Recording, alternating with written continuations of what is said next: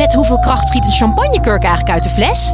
Ja, het is feest bij Quest. Al twintig jaar serieus leuk, met nieuwsgierige vragen en antwoorden uit de wetenschap. Zo maken we Nederland elke dag een stukje slimmer. Nu in de winkel en op quest.nl.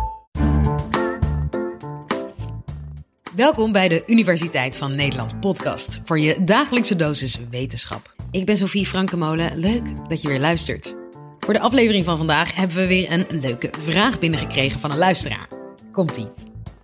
Universiteit van Nederland, Nienke hier. Ik ben onlangs fulltime gaan werken, maar je hoort ook altijd dat de Nederlandse vrouw het minst werkt van heel Europa. Ik was eigenlijk wel benieuwd waarom dat zo is. Ja, dankjewel voor je vraag. We zijn op zoek gegaan en hebben genderwetenschapper Mara Jerkes van de Universiteit van Utrecht voor je gevonden om het antwoord te geven. Geniet ervan. Dit is de Universiteit van Nederland. Je hebt misschien wel vaker gehoord dat Nederlandse vrouwen Europees kampioen zijn in parttime werken. Maar om de Nederlandse vrouw nou meteen als lui te omschrijven, is natuurlijk veel te kort door de bocht. Want wist je ook dat deeltijdwerken waarschijnlijk nergens zo aantrekkelijk is als in Nederland? In dit college vertel ik je hoe dat zo gekomen is en waarom juist de Nederlandse vrouw hier het meest gebruik van is gaan maken. Aan het einde van dit college geef ik dan ook antwoord op de vraag: waarom werken Nederlandse vrouwen het minst van Europa? Wat vragen? Altijd. Hoeveel uren werk je per week? Uh, tussen de 40 en 45. Hoe vaak sta je met de bloemenkraam? uh? Zeven dagen in de week. Mag ik uh, vragen hoeveel uur u werkt per week? 24 uur. 24. En heeft u een partner? Ja. Werkt hij ook parttime? Nee, fulltime. Fulltime, oh ja. En is dat een bewuste keuze? Jij fulltime, zij parttime? ja, ik hou gewoon van extra veel centjes. En zij denk ik van wat meer vrije tijd. Hoeveel uur per week werken jullie? Zoals ik net al zei, nergens is parttime werken zo goed beschermd als in Nederland. Dat is natuurlijk niet zomaar gebeurd. Om daar de oorsprong van te vinden, moeten we een paar decennia terug in de tijd. Voor het wat oudere publiek voelt het misschien nog als de dag van gisteren. De economische crisis van de begin jaren 80, de oliecrisissen van de jaren 70 liggen vers in het geheugen. De inflatie en de werkloosheid zijn hoog. En de roep om daar iets aan te doen vanuit de overheid en de maatschappij is groot. Luister maar naar Wim Kok, toen de tijd voorzitter van de vakbond FNV en later zelfs minister-president. De tijd schreeuwde als het ware om niet-orthodoxe oplossingen. Uh, oplossingen die onder normale omstandigheden zouden zijn weggehoond, zouden zijn weggewuifd. Een belangrijke stap om dit op te lossen, voor Nederland tenminste, was het akkoord van Wassenaar, dat in 1982 gesloten werd tussen de vakbonden, werkgevers en het kabinet. Kort gezegd was het idee dat de almaar stijgende lonen minder snel moesten stijgen, omdat het huidige stelsel economisch onhoudbaar was. Daarom werd afgesproken dat mensen minder uren konden gaan werken in ruil voor loonmatiging. Een belangrijk doel van het akkoord was om de hoeveelheid werk anders te verdelen. Dat wil zeggen dat als iedereen iets minder gaat werken, er meer banen beschikbaar komen, dus dat de werkloosheid omlaag gaat. In de jaren na het akkoord werd parttime werk steeds populairder en kwam er een steeds grotere noodzaak tot voldoende bescherming van mensen die ook daadwerkelijk parttime gingen werken. Sinds 1996 mag er bijvoorbeeld niet gediscrimineerd worden op basis van je arbeidsduur, deeltijd of voltijd. Dit betekent dus dat als je in Nederland parttime werkt, dat je dezelfde rechten hebt als iemand die fulltime werkt. Je bouwt een pensioen op en je krijgt relatief evenveel vakantiedagen. Dat parttime werk zo goed geregeld is in Nederland zorgt ervoor dat andere Europese landen vaak met verbazing kijken naar hoe goed het hier wordt beschermd. Maar over de rest van Europa straks meer.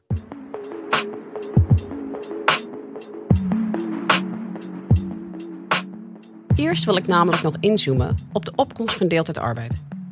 Want naast het akkoord van Wassenaar vond er ook nog een andere grote verandering plaats in de samenleving. Ongeveer 1500 vrouwen uit het hele land hebben vanmiddag in Amsterdam deelgenomen aan een betoging die georganiseerd was door het Landelijk Comité Vrouwen eisen werk.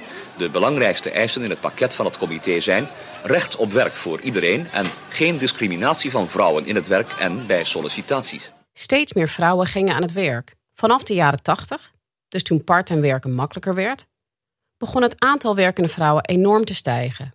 Dit kwam door een aantal factoren zoals de toename in opleidingsniveau onder vrouwen. En de tweede feministische golf, die ervoor zorgde dat het al steeds normaler werd gezien dat de vrouw ook aan het werk ging. Luister maar naar een van de voorvechters van werkende vrouwen toen de tijd, Joke Smit. Voor mannen is het dus vanzelfsprekend dat ze op maandag weer naar hun werk mogen vertrekken. En wij worden geacht om de hele dag door te brengen met die kleine kinderen. En ik dacht, waarom kan dat nou niet eerlijker? Vanuit feministisch perspectief moest de vrouw niet afhankelijk zijn van de man, maar financieel onafhankelijk zijn en haar eigen geld verdienen. Maar als de vrouw ook aan het werk gaat en niet meer thuis is, wie zorgt er dan voor de kinderen? Misschien klinkt het voor sommigen van jullie een beetje ouderwets. Maar wij hebben het hier over de jaren 80. En in vele opzichten wordt er nog steeds gedacht dat vrouwen beter in staat zijn om voor kinderen te zorgen dan mannen. Kinderopvang was toen de tijd slecht geregeld. En daarom moesten Nederlandse ouders een andere manier vinden om het combineren van werk en zorg voor elkaar te krijgen. En zie daar, de parttime samenleving werd geboren. Niet als eerste keus, maar eerder uit noodzaak. Het Nederlandse mannelijke kostwinnersmodel, waarin de man als enige voor de inkomsten zorgde en de vrouw thuis bleef, maakte langzamerhand plaats voor het anderhalf verdienersmodel, waarbij de man voltijds werkt en de vrouw in deeltijd werkt en voor de kinderen en het huishouden zorgt. Maar hoe komt het dat de vrouw dan parttime gaat werken en voor de kinderen zorgt en de man niet? En klopt het dat in onze maatschappij bij veel mensen nog steeds het idee heerst dat vrouwen beter voor kinderen kunnen zorgen dan mannen?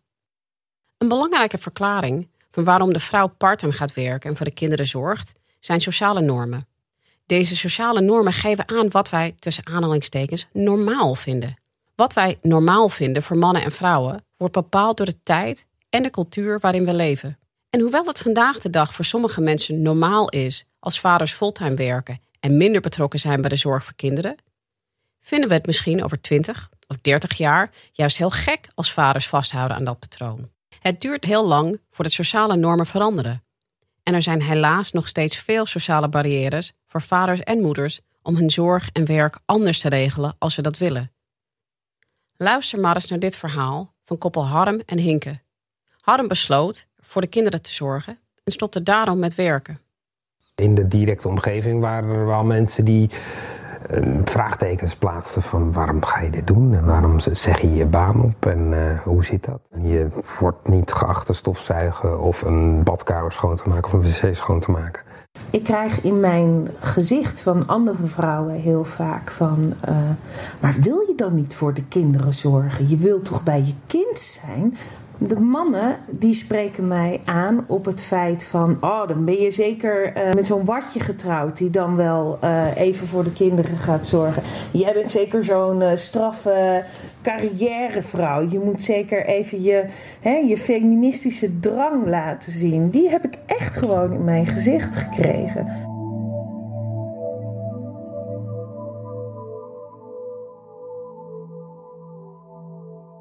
Laten we nu eens kijken naar de rest van Europa, of zelfs daarbuiten.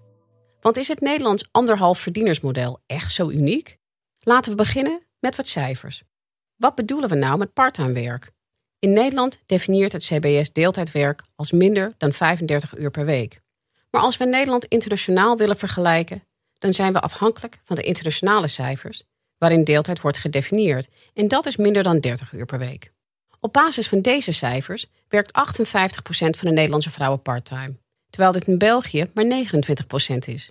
En in Frankrijk zelfs maar 19%. Hoe kan dat? De verklaring verschilt nogal per land. Bijvoorbeeld bij onze buren in Duitsland ging het economisch een stuk minder slecht in de jaren 80 dan in Nederland. Er was dus minder druk destijds om banen anders te verdelen en of deeltijdbanen te creëren. In het Verenigd Koninkrijk was er juist al eerder een sterke ontwikkeling van deeltijdwerk maar net anders dan in Nederland. Toen Britse vrouwen na de Tweede Wereldoorlog meer aan het werk gingen, gebeurde dat vooral in deeltijd. Maar de Britse arbeidsmarkt kent belangrijke verschillen met de Nederlandse. Een van de belangrijkste is dat er, in tegenstelling tot Nederland, een groot verschil is tussen fulltime banen, waar men erg lange dagen maakt, en parttime banen, die in Groot-Brittannië vaak erg weinig uren omvatten en slechte arbeidsvoorwaarden hebben. Hierdoor is deeltijdwerk minder populair in Groot-Brittannië en stagneerde het cijfer in de jaren 80 op de 40% En is dit cijfer inmiddels gedaald naar 33% Ik ben zelf geboren en getogen in de Verenigde Staten, waar deeltijdwerk helemaal niet veel voorkomt. Daar werkt ongeveer een kwart van de vrouwen in deeltijd. En dat is in de afgelopen 50 jaar nauwelijks veranderd. Toen ik opgroeide in de VS in de jaren 80, was het vrij normaal dat moeders buitenshuis werkten. Mijn eigen moeder werkte parttime toen ik nog niet naar school ging, maar ging daarna snel fulltime werken. Dat komt ook doordat parttime werk in de VS vaak erg slecht geregeld is. Slecht betaald, slechte arbeidsvoorwaarden en nauwelijks tot geen bescherming. Maar ook in andere landen dichter bij huis is deeltijdwerk niet gangbaar. Als je bijvoorbeeld kijkt naar Zuid-Europa, zoals Spanje of Italië, daar werkt slechts een kwart tot een derde van de vrouwen in deeltijd. Parttime werk komt nog minder vaak voor in Centraal- en Oost-Europa. Daar werkt vaak minder dan 10% van de vrouwen in deeltijd. Ook al zouden ze in deeltijd willen werken, kan het vaak niet, omdat deeltijdbanen vaak niet beschikbaar zijn. Laten we nu eens kijken naar onze noorderburen in Scandinavië. Landen zoals Zweden en Denemarken kennen, net zoals in Groot-Brittannië, in eerste instantie een sterke groei in deeltijdwerk onder vrouwen in de jaren 60 en 70. Maar daarna is het gedaald. Want in de meeste Scandinavische landen geldt dat in plaats van het anderhalf verdienersmodel ze een ander model nastreven. Het zogeheten dual earner, dual carer model. Dit houdt in dat idealiter beide ouders fulltime werken en ook de zorgtaken verdelen. Daarom zie je ook dat verlof en kinderopvangregelingen vaak uitgebreider zijn dan in Nederland en veel meer gericht zijn op een evenredige verdeling van de zorg tussen ouders. Als we bijvoorbeeld kijken naar Finland. Finland was een van de eerste landen die betaald verlof voor vaders creëerde in de jaren 70. Zowel vaders als moeders krijgen lange tijd goed betaald verlof als ze een kind krijgen. Vaders hebben recht op negen weken vaderschapsverlof, waarvan drie weken tijdens het verlof van de moeder opgenomen kan worden. Daarnaast hebben ouders recht op 26 weken betaald ouderschapsverlof, dat ze met elkaar kunnen delen en ook nog een zorgverlof, dat gebruikt kan worden om tijdelijk voor kinderen thuis te zorgen, totdat het kind drie jaar oud is. Dat Finse vaders recht hebben op negen weken betaald verlof, waarvan zes die buiten het verlof van de moeder gebruikt kunnen worden, is belangrijk. De wetenschap benadrukt namelijk al lange tijd dat het ook belangrijk is voor vaders om een band op te bouwen met hun pasgeboren kind. En dat zij leren om zelf voor het kind te zorgen. Dat noemen wij ook wel solo care. Dus als vaders de tijd krijgen, net zoals de moeder, dan kunnen zij net zo goed voor een kind leren zorgen en ervaren ouders hoe ze de zorgtaken kunnen verdelen. Maar laten we hier ook niet te rooskleurig over doen. Want uit onderzoek blijkt dat bijvoorbeeld in Scandinavische landen de genderongelijkheid nog best groot is. In Finland bijvoorbeeld zijn er toch belemmeringen voor vaders om verlof op te nemen. Zo heersen zelfs daar sociale normen die de rol van de man als kostwinner bevestigen, waardoor het gebruik van verlof en dus de zorg voor kinderen vaak alsnog ongelijk verdeeld wordt tussen vaders en moeders.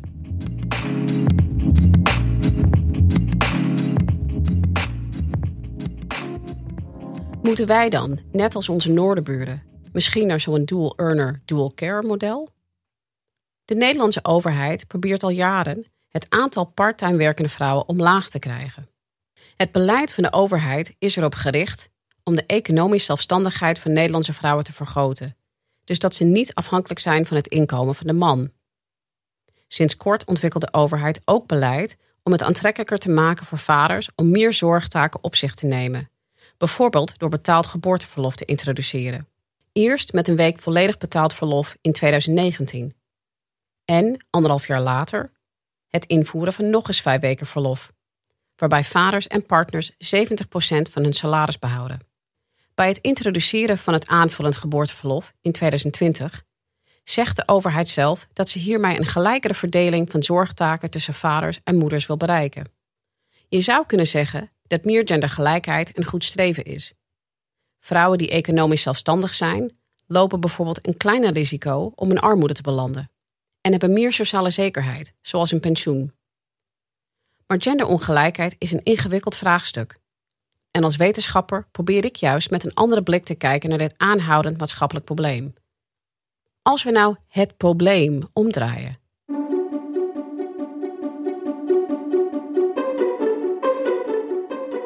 Waarom is fulltime werk nou het ideaalbeeld? Uit onderzoek van het Centraal Planbureau blijkt dat meer vaders er tegenwoordig willen zijn voor hun kinderen. En dit niet alleen willen overlaten aan de vrouw. Dus in hoeverre krijgen mannen en vrouwen nou echte kansen om datgene waar zij waarde aan hechten te doen? Dat onderzoek ik nu samen met een team onderzoekers aan de Universiteit Utrecht. Wij proberen de aanhoudende genderongelijkheid in het combineren van werk en privé te doorgronden. We zitten nu nog midden in het onderzoek, dus kom ik over een paar jaar vertellen wat de belangrijkste conclusies zijn. Maar in de tussentijd kunnen we wel stellen dat zowel mannen als vrouwen meerdere activiteiten in het leven waardevol vinden. En zorg, of dat nou zorg voor kinderen is of zorg voor andere familieleden, wordt vaak als een belangrijk en waardevol activiteit gezien. Dus is het misschien niet zo gek dat we vraagtekens zetten bij een maatschappij dat slechts één activiteit centraal stelt, namelijk betaald werk.